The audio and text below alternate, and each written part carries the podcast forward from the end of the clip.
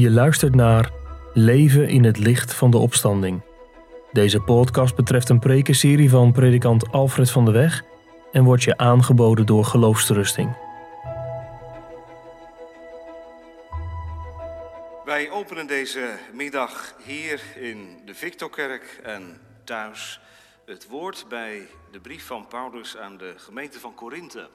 We lezen deze middag en ook de komende weken uit 1 Korinthe 15. Ik hoop een korte prekenserie te houden over leven in het licht van Pasen. Wat heeft dat te betekenen voor de dood? Wat heeft dat te betekenen voor ons lichaam? Wat heeft dat te betekenen voor de toekomst? En wat heeft dat te betekenen voor het hier en nu? Waarschijnlijk vier preken, waarvan de eerste vanmiddag dus zal gaan over Pasen en de dood. We lezen uit 1 Korinthe 15 nu het 12e tot en met het 28e vers. 1 Korinthe 15 vanaf vers 12. Als nu van Christus gepredikt wordt dat hij uit de doden is opgewekt, hoe kunnen sommigen onder u dan zeggen dat er geen opstanding van de doden is? En als er geen opstanding van de doden is, dan is Christus ook niet opgewekt. En als Christus niet is opgewekt, dan is onze prediking zonder inhoud. En zonder inhoud is ook uw geloof. En dan blijken wij ook valse getuigen van God te zijn. Wij hebben namelijk van God getuigd dat Hij Christus heeft opgewekt. Terwijl Hij die niet heeft opgewekt als inderdaad de doden niet opgewekt worden. Immers, als de doden niet opgewekt worden, is ook Christus niet opgewekt. En als Christus niet is opgewekt, is uw geloof zinloos. U bent dan nog in uw zonden. Dan zijn ook zij die in Christus ontslapen zijn, verloren. Als wij alleen voor dit leven op Christus onze hoop gevestigd hebben, zijn wij de meest beklagenswaardige van alle mensen. Maar nu, Christus is opgewekt uit de doden en is de eersteling geworden van hen die ontslapen zijn. Want omdat de dood er is door één mens, is ook de opstanding van de doden er door één mens. Want zoals allen in Adam sterven, zo zullen ook in Christus allen levend gemaakt worden. Ieder echter in zijn eigen orde. Christus als eersteling, daarna wie van Christus zijn bij zijn komst. Daarna komt het einde, wanneer hij het koningschap aan God en de Vader heeft overgegeven wanneer hij alle heerschappij en alle macht en kracht heeft teniet gedaan. Want hij moet koning zijn totdat hij alle vijanden onder zijn voeten heeft gelegd. De laatste vijand die teniet gedaan wordt, is de dood. Immers, alle dingen heeft hij aan zijn voeten onderworpen. Wanneer hij echter zegt dat aan hem alle dingen onderworpen zijn, is het duidelijk dat hij die zelf alles aan hem onderworpen heeft, hiervan is uitgezonderd. En wanneer alle dingen aan hem onderworpen zijn, dan zal ook de zoon zelf zich onderwerpen aan hem die alle dingen aan hem onderworpen heeft, opdat God alles in allen zal zijn. Tot zover de schriftlezing. Vers 26 onderstreep ik vanmiddag als tekst voor de verkondiging. De laatste vijand die te niet gedaan wordt, is de dood. We luisteren vanmiddag naar de preek onder het thema De dood heeft niet het laatste woord. De dood heeft niet het laatste woord. Eerst willen we samen bidden en in de voorbeden. We zingen straks na de preek uit Psalm 18. Het eerste en het negende vers in vers 1 wordt de dood vergeleken met een helse band, een benauwende gevangenis. En in vers 9 zingen wij, ik kan met u door sterke benden dringen. Psalm 18, vers 1 en 9 straks na de preek. Gemeente, het is 9 april 1945, inderdaad precies 75 jaar geleden. Dietrich Bonhoeffer heeft zijn laatste preek gehouden. De preek gaat over Jesaja 53, het hoofdstuk over de man van smarten. En over 1 Petrus 1, vers 3. Geloofd zij de God en Vader van onze Heer Jezus Christus, die ons door de opstanding van Christus heeft wedergeboren tot een levende hoop. En als hij bijna aan het eind is van zijn preek, komt de bewaker binnenlopen en schreeuwt tegen Dietrich Bonhoeffer: Gevangene Bonhoeffer, meekomen. En dan spreekt Bonhoeffer de woorden uit die tot op vandaag nog steeds heel bekend en ook zeer indrukwekkend zijn. Dit is het einde,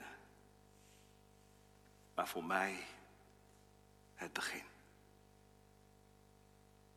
Zou ik dat kunnen zeggen? Zou jij dat kunnen zeggen? Met de dood voor ogen. Dit is het einde. Maar voor mij het begin. De dood had in Bonheuvers leven niet het laatste woord. Waarom niet? Omdat God het eerste woord had. En dus ook het laatste. De dood heeft niet het laatste woord.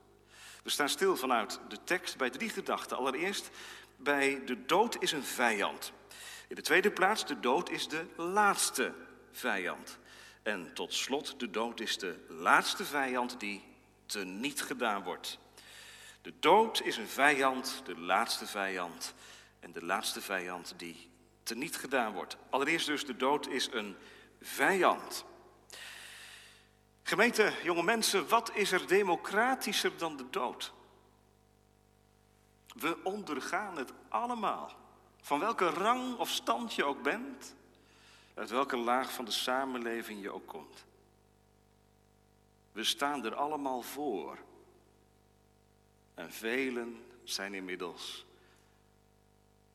erachter gekomen wat het is om te sterven. Friedrich Nietzsche heeft eens gezegd: Wij zijn allen broeders in de dood. Broeders in de dood. Wij zijn sterfelijk. Je hebt wel eens lotgenotencontacten. Mensen die een bepaalde ziekte hebben, die elkaar opzoeken en die elkaars ervaringen vertellen. Dat kan heel helpend zijn. Lotgenotencontact, want dan praat je er niet over, maar dan praat je eruit. Uit eigen ervaring weet je dan wat er aan de hand is als je die of die ziekte hebt. Maar hoewel wij allemaal met diezelfde vijand van doen hebben, de dood. Dus in zekere zin lotgenoot zijn. Blijven we eenzaam, want we kunnen met elkaar niet delen wat het inhoudt. Dat is beklemmend. Als iemand sterft, is dat de deur van het leven die in het slot valt. En daarachter kunnen wij niet komen. Alleen diegene die gestorven is. Als je daar wat over, over doormediteert, dan, dan kom je er eigenlijk achter hè, hoe eenzaam je uiteindelijk bent. want een dood scheurt je los uit alle verbindingen, relaties die je had en maakt je helemaal eenzaam. Die laatste vijand moet je alleen moet je alleen tegen vechten. Het is Pasen geweest, gemeente. Maar ook na Pasen is die vijand er blijkbaar nog wel. Ik vertel u niets nieuws. Misschien houdt u het ook wel bij, de sterftecijfers. Dan wordt het in de krant en op de media heel nadrukkelijk op ons netvlies getekend. De dood gaat rond. We zongen het net. Wie redt zijn ziel van het graf? Wie leeft er die de slaap van de dood niet eens zal slapen? Nou, dat is een retorische vraag. Niemand. En wij maar zingen. Nu jaagt de dood geen angst meer aan. Kan dat wel? De dood wordt hier vijand genoemd. Nou, kinderen, wat is een vijand? Een vijand is geen vriend. Voor een vijand vlucht je weg. Je wilt uit de hand van de vijand blijven, toch? Daar loop je toch niet naartoe?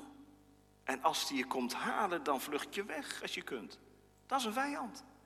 Weg bij die vijand. Is dat verkeerd? Nee. Nee. En dat is goed, denk ik, om ook in de kerk hè, tegen elkaar te zeggen. Omdat je soms ook het gevoel hebt dat je in de kerk alleen maar troost moet bieden.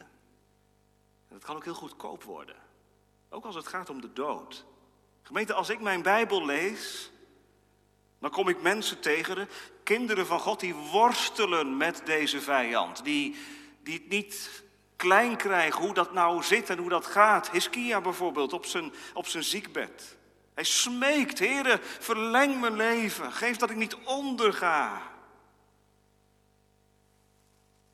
Oh, Iskia, je bent toch een kind van God. Hè? De dood, dat is dan toch een zoete dood en een doorgang tot het eeuwige leven. Iskia, hoe, hoe durf je dat te zeggen? Je moet blij zijn dat je bijna bij de eindstreep bent. Je gaat naar huis, man. Nee, Iskia worstelt. Hij kirt als een duif. Hij piept als een zwaluw. Hij is bang. Kind van God. En uh, gemeente, de Heer Jezus, wat denkt u daarvan? Toen hij bij het graf van Lazarus kwam, voordat hij zelf de dood in de ogen zag. En bij het graf van zijn vriend Lazarus kwam. Weet u wat er dan staat? De kortste tekst uit de Bijbel.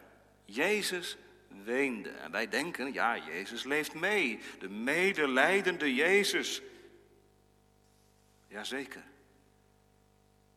Maar dat zijn de tranen, ook van verbolgenheid. Het woord wat daar gebruikt wordt, laat zien dat Jezus vertoornd is op de dood, op die laatste vijand. Jezus komt niet bij het graf om direct troost uit te delen. Hij zegt ook niet, nou, Lazarus, jullie mogen blij zijn hè, dat hij thuis is. Nee, hij weent.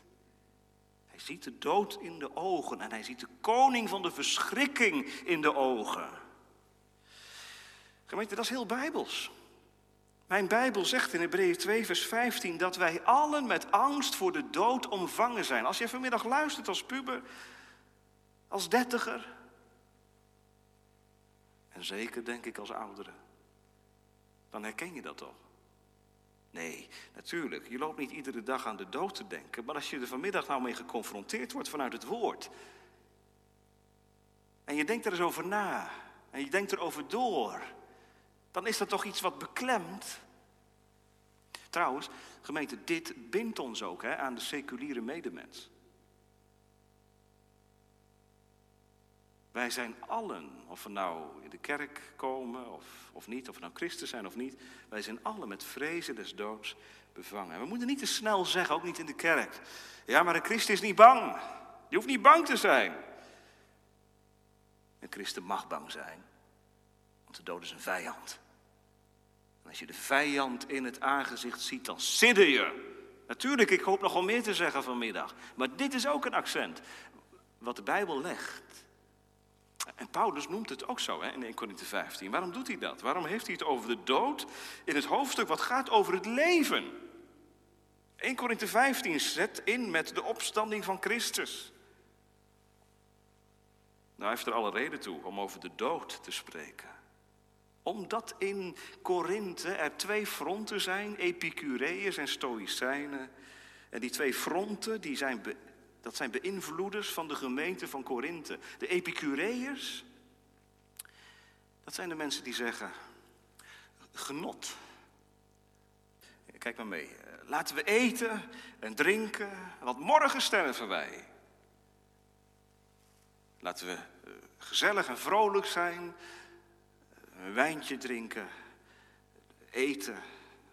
Want ja, het gaat toch voorbij. Haal eruit wat erin zit. Ik weet nog, jonge mensen, toen ik zo oud was als jullie, jaar of 18. En ik muziek luisterde via de radio, en dat waren echt niet alleen maar psalmen. Dat er een, een spotje op 3FM was. Je bent jong en je wilt wat. Je bent jong en je wilt wat. Nou, dat was ook zo. En dat is ook zo, hè, in jouw leven, toch? Je bent jong. Je wilt wat. De wereld ligt aan je voeten. Toekomst. Eten, drinken. Dat zijn de mooie dingen van het leven. Daar moet je van genieten, man. Haal eruit wat erin zit. Die Epicureërs die lijken vandaag nog steeds te bestaan. Ja, dat is ook zo. Die leven nog. Het Epicureïsche gedachtegoed. Dat is één. Aan de andere kant heb je de Stoïcijnen. Die zeggen ja, genieten, eruit halen wat erin zit. Nou, de dood is onverbiddelijk. Kom in het reine met de dood. Leef een deugdzaam leven. Denk er niet te veel over na, over die dood. Die dood komt toch. Het hoort erbij. Maar zorg nou dat je er rustig naartoe leeft. En je eraan overgeeft. Dat kan hoor. Want als je er bent, als je leeft, is de dood er niet. En als de dood er is, ben jij er niet meer. Stoïcijnen, Epicureërs. Ze zitten ook in de 21ste eeuw. In de kerk, in de cafés, voor de televisie, in de huiskamers. En tegen die fronten zegt Paulus, de dood is een vijand. Een vijand. Heel realistisch. Nu al dus een vijand. Niet straks, aan het eind van het leven, nee, nu. Nu. En dat is ook heel bijbels, hè. Dat, dat vergeten wij wel eens. Dat de taal van het doopformulier, wat dat betreft, heel bijbels is. Dat ons leven, dat wordt al gezegd als een kindje gedoopt wordt. Ons leven is een voortdurend sterven. In de oude versie een gestadige dood, een voortdurend sterven. Bijbels leren denken over de dood, dat betekent niet dat je met allerlei teksten van hoop en belofte de, de laatste vijand een beetje gaat ontdoen van zijn verschrikking. Dat is niet de bedoeling. Waarom, waarom niet? Gemeente, daar is de dood veel te zondig voor. Wat bedoelt u daarmee? Nou, er is een relatie tussen de dood en de zonde. Paulus zegt in Romeinen 5, het loon van de zonde is de dood. De zonde betaalt zich uit in de dood. Het is de wrange vrucht van de opstand tegen God toen Adam en Eva kozen voor een leven zonder God. Was het gevolg de dood. Dus als de dood een vijand is, dan komt dat door de zonde, door mijn zonde. En Paulus zegt in vers 56, wat maakt de dood nu zo, zo heftig en zo vijandelijk? Vers 56, de prikkel nu van de dood, het dodelijke in de dood is de zonde. Gemeente, de zonde maakt ons eenzaam. De zonde maakt ons eenzaam. Kijk naar Adam en Eva. De relatie met God verbrak. Er ontstond ook een verbroken relatie tussen Adam en Eva. Eenzaamheid ontstond na de zondeval. En de dood, dat is de definitieve eenzaamheid. Als dan de relatie met God niet hersteld is, dan is de dood een doorgang tot de totale eenzaamheid. Dat is de hel. Dat is de buitenste duisternis. Dat is de plaats waar de dood macht heeft tot in eeuwigheid. Buiten God, buiten zijn vrede, buiten zijn liefde, weg van zijn aangezicht. Nou, mogen we dan niet zeggen tegen elkaar dat de dood een vijand is? Voor iedereen, ja, voor iedereen.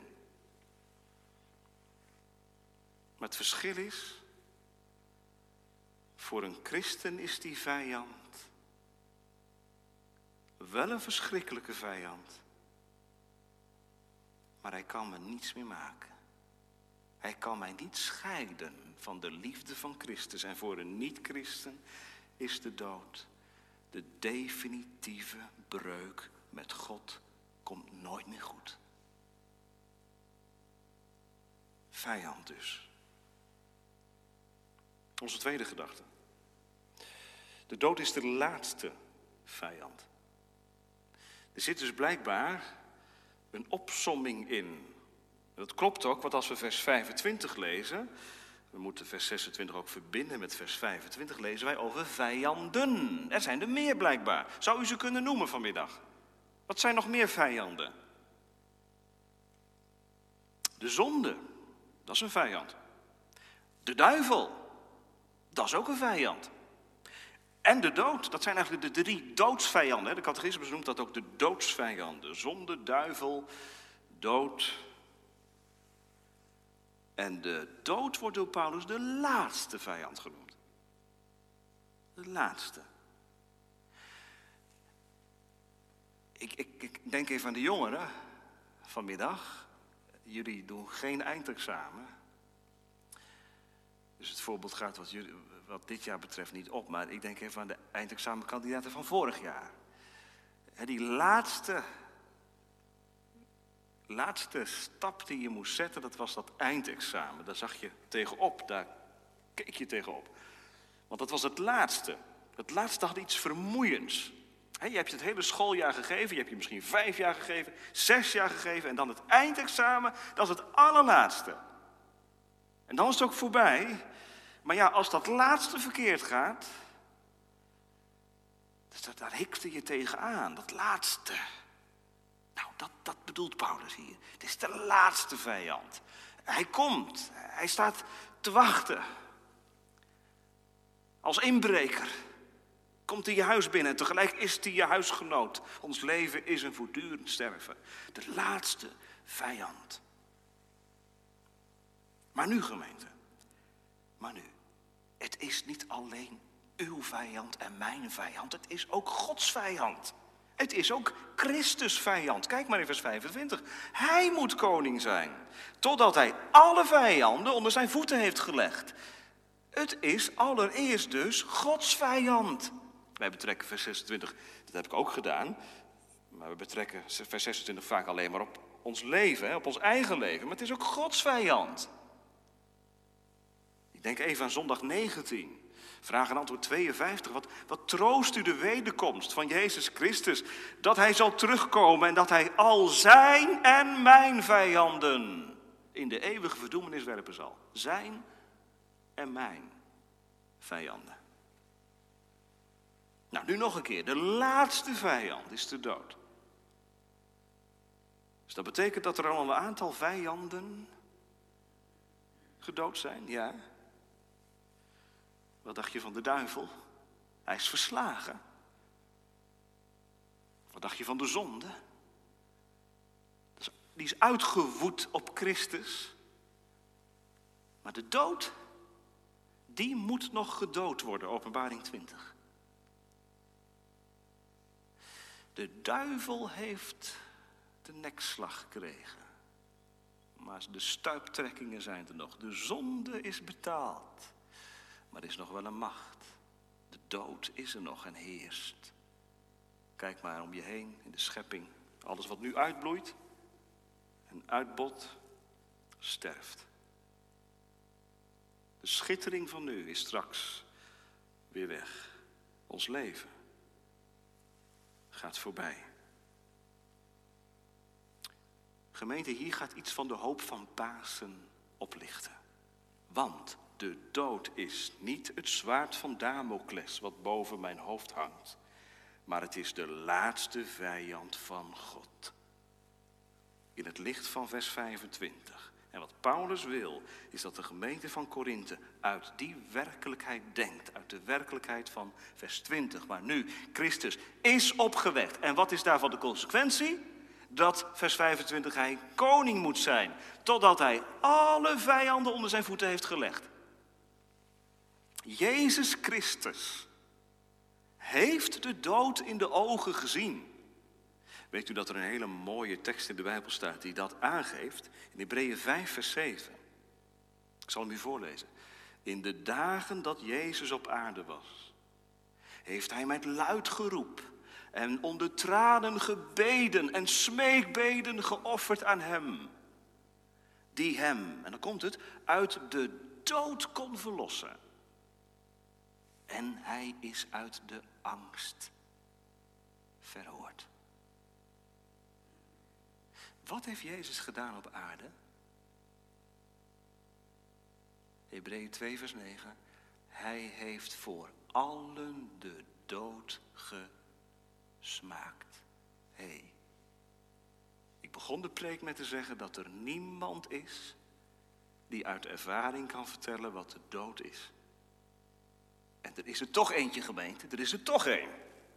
Jezus Christus. Hij is de koning die de vijand in de ogen heeft gezien. Het gevecht is aangegaan. De dood leek te winnen, want Jezus Christus die stierf, maar het is Pasen geweest. We hoorden het zondag. De steen, dat teken van onmogelijkheid, die rolde weg van voor het graf. Jezus stond op uit de doden. Hij heeft de dood overwonnen. Christus onze Heere verrees. En hij is bezig om de dood definitief weg te ruimen. Alle dingen, alle vijanden zullen onder zijn voeten gelegd worden. Nou, dat moet je visualiseren. Hè? Als er iets onder je voeten gelegd wordt,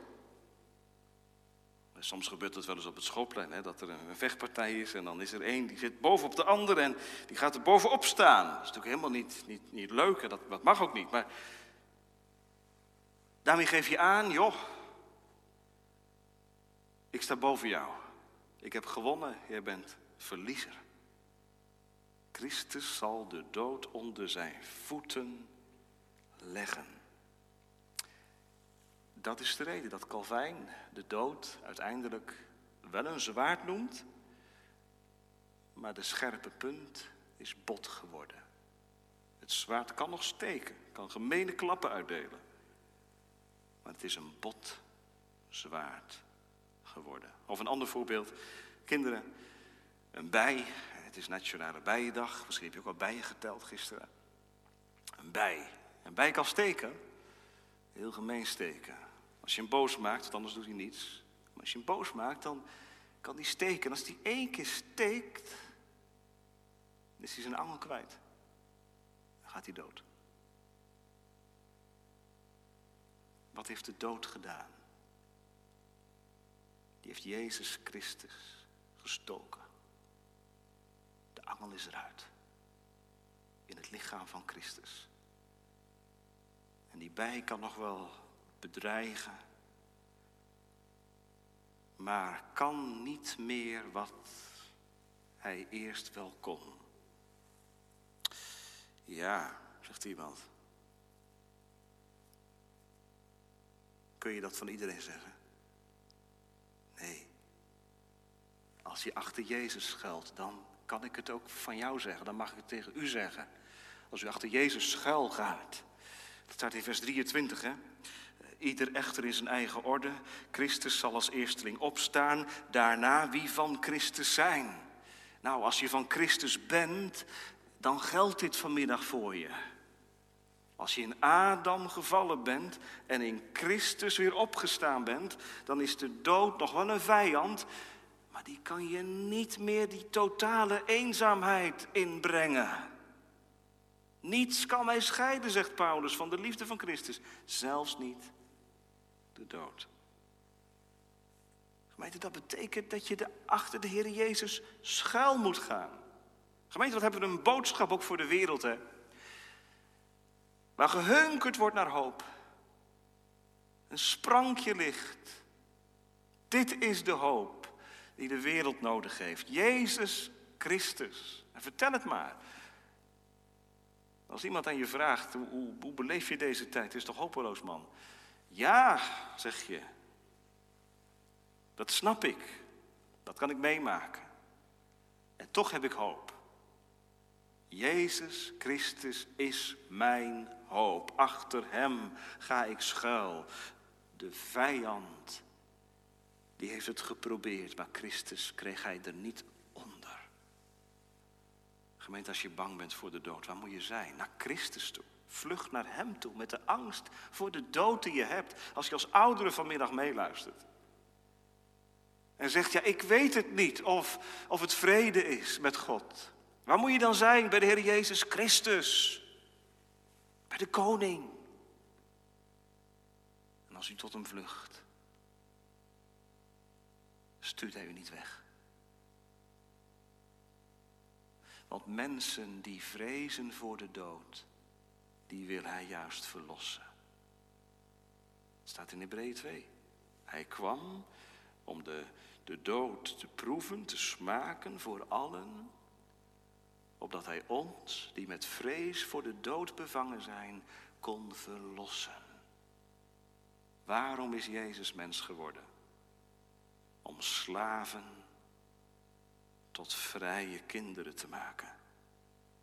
Die zeggen, die vijand, de dood is een vijand, maar hij is de laatste vijand, nog maar één te gaan. En Christus zal overwinnen. Ja, dan is de dood een doorgang tot het eeuwige leven. Toch wel. Dan is die laatste vijand als het ware het middel wat je brengt bij Christus. Hoor je dat? Als je in Jezus Christus gelooft, zijn dierbaar bloed tot vergeving van zonde hebt, dan is de dood doorgang, poort tot het eeuwige leven. Er luisteren vanmiddag al kinderen mee van zes jaar, van acht jaar, van tien jaar. Misschien heb jij dat ook wel, ik had dat vroeger ook wel. Dat ik op bed lag s'avonds en dan was het donker en dan dacht ik na over het leven. En nou ja, moet er niets hele bijzondere gedachten bij hebben, maar hè, wat ieder kind wel eens heeft. Wat gebeurt er nou als je dood bent? En wat als ik moet sterven? En ik weet dat ik wel eens uit ben gegaan, naar mijn vader toe ben gegaan. Ik ben zo bang om te sterven. Misschien luisteren de kinderen mee vanmiddag, die dat ook zeggen. Of jongeren. Van 16, 18 jaar, 20 jaar. Ik maak me sterk, of ook jij stelt jezelf die vraag. Wat als ik zal sterven? Wat dan?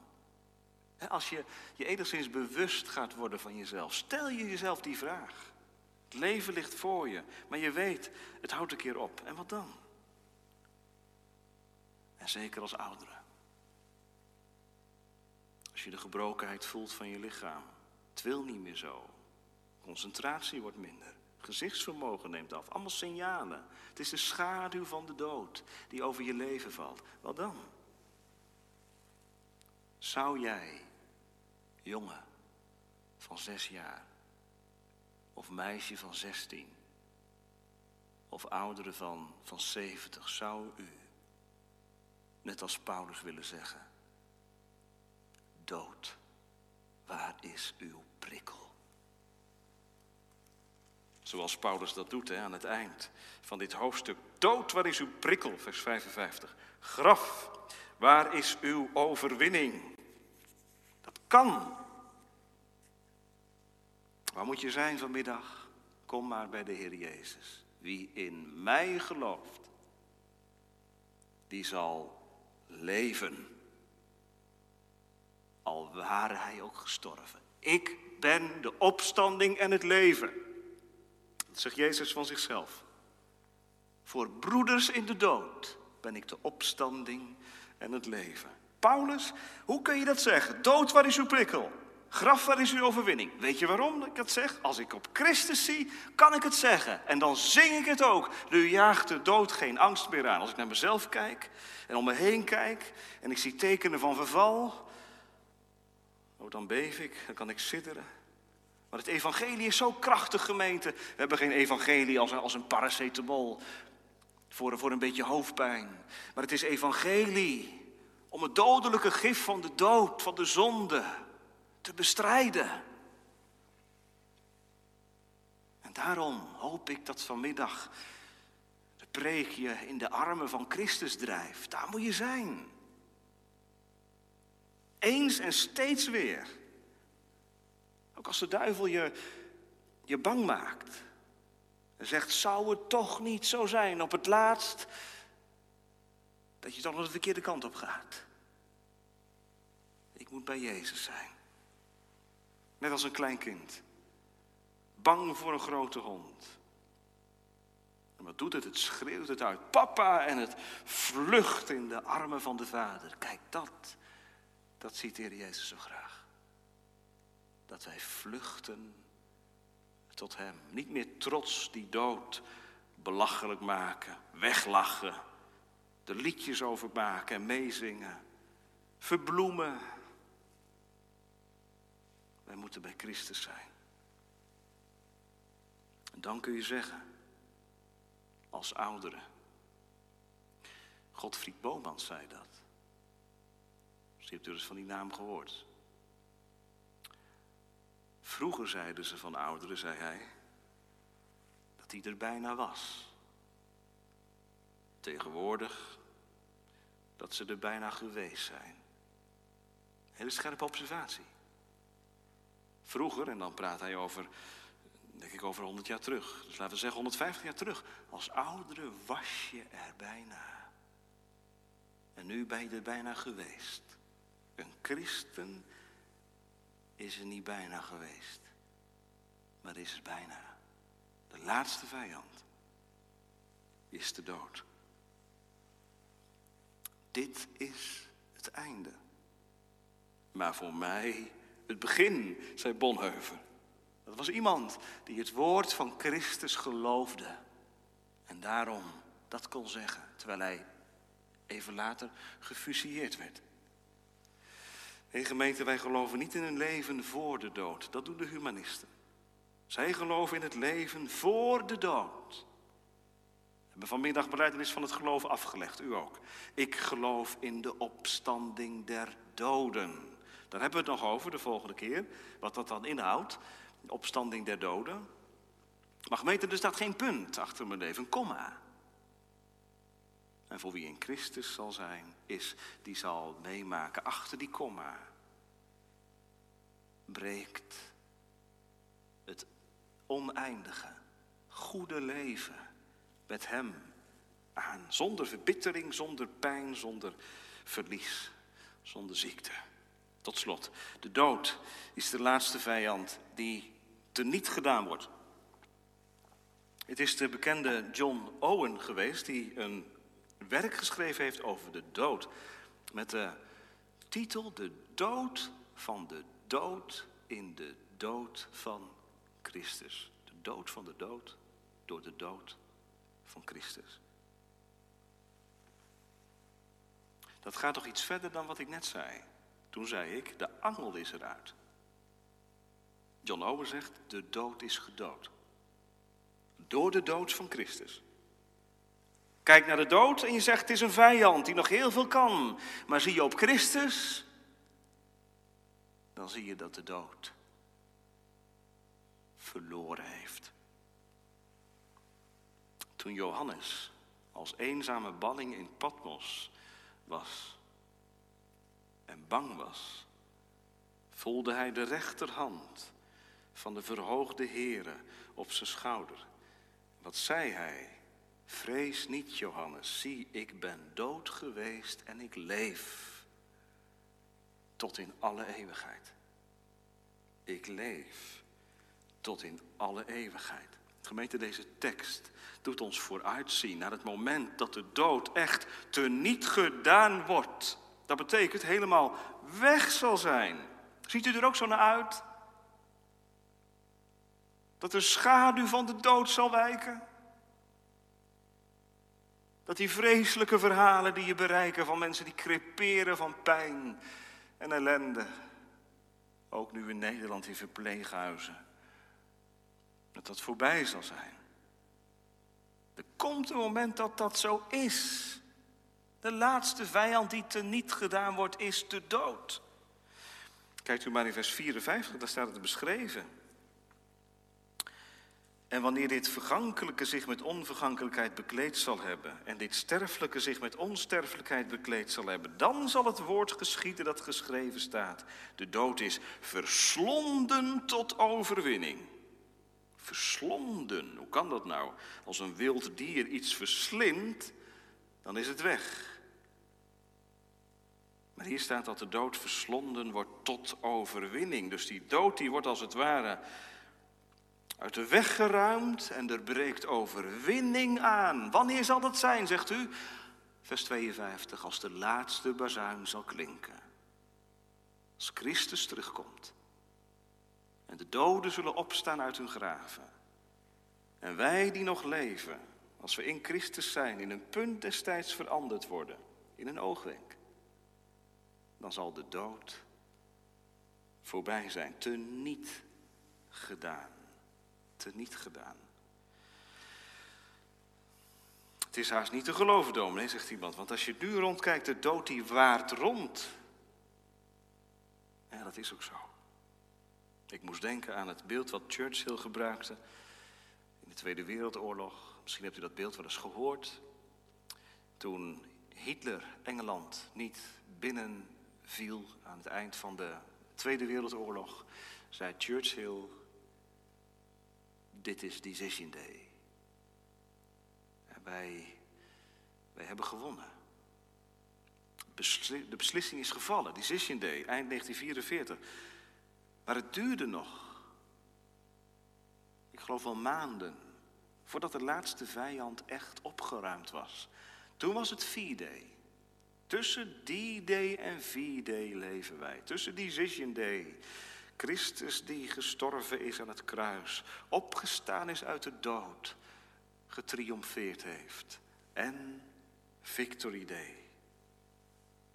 De dood teniet gedaan. Waar is het kompas op gericht, gemeente? Pasen maakt alles anders. Wie door het geloof op Jezus ziet, die vreest voor de dood en voor de hel niet. Maar die zegt met Paulus, Gode zij dank, vers 57, die ons de overwinning geeft over de dood. Door onze Heer Jezus Christus. Daar ligt het vast. De dood heeft niet het laatste woord. God heeft het laatste woord. Hij is de Alpha en de Omega, het begin en het einde. En wie zich in dit leven vastklampt aan Christus, die mag beleiden, het sterven is winst. Hoe moet je deze tijd dan leven? Deze tijd van corona. We zijn allemaal wat hoopvoller gestemd misschien, hè, nu de curve wat afvlakt.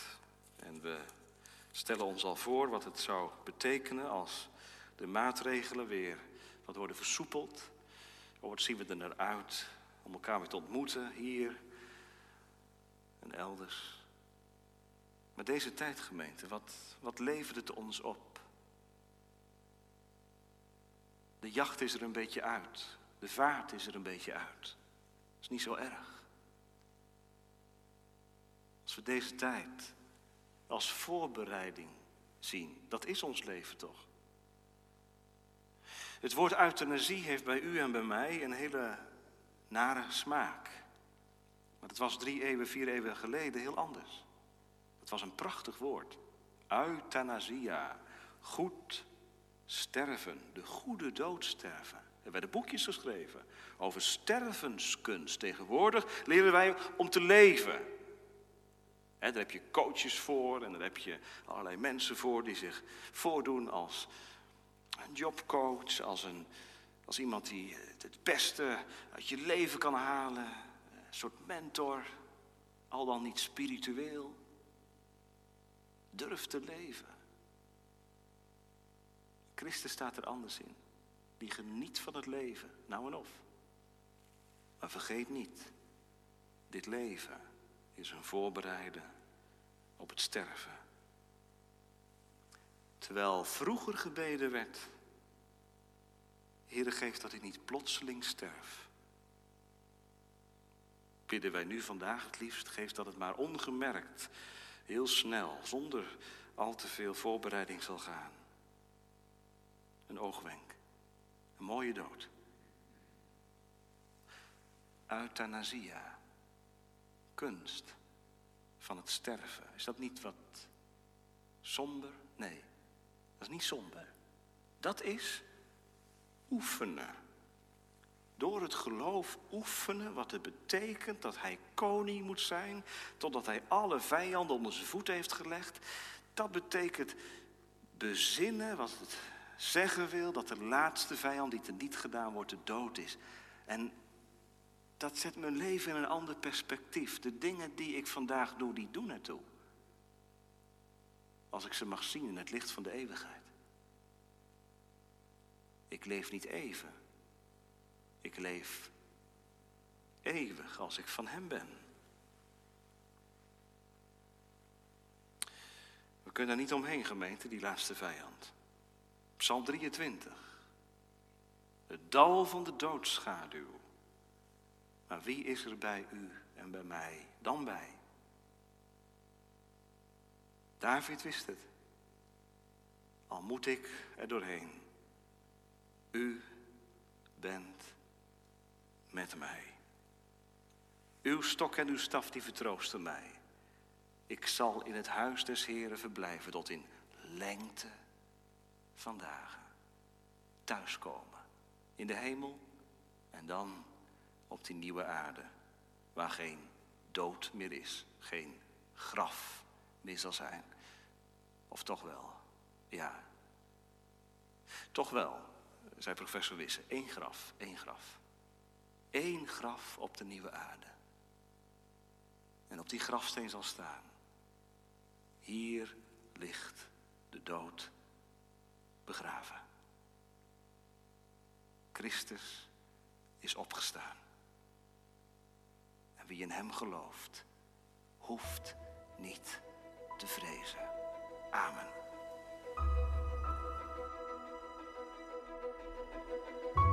Je luisterde naar een podcast van Geloofsterusting. Wil je meer luisteren, lezen of bekijken? Ga dan naar de website geloofsterusting.nl.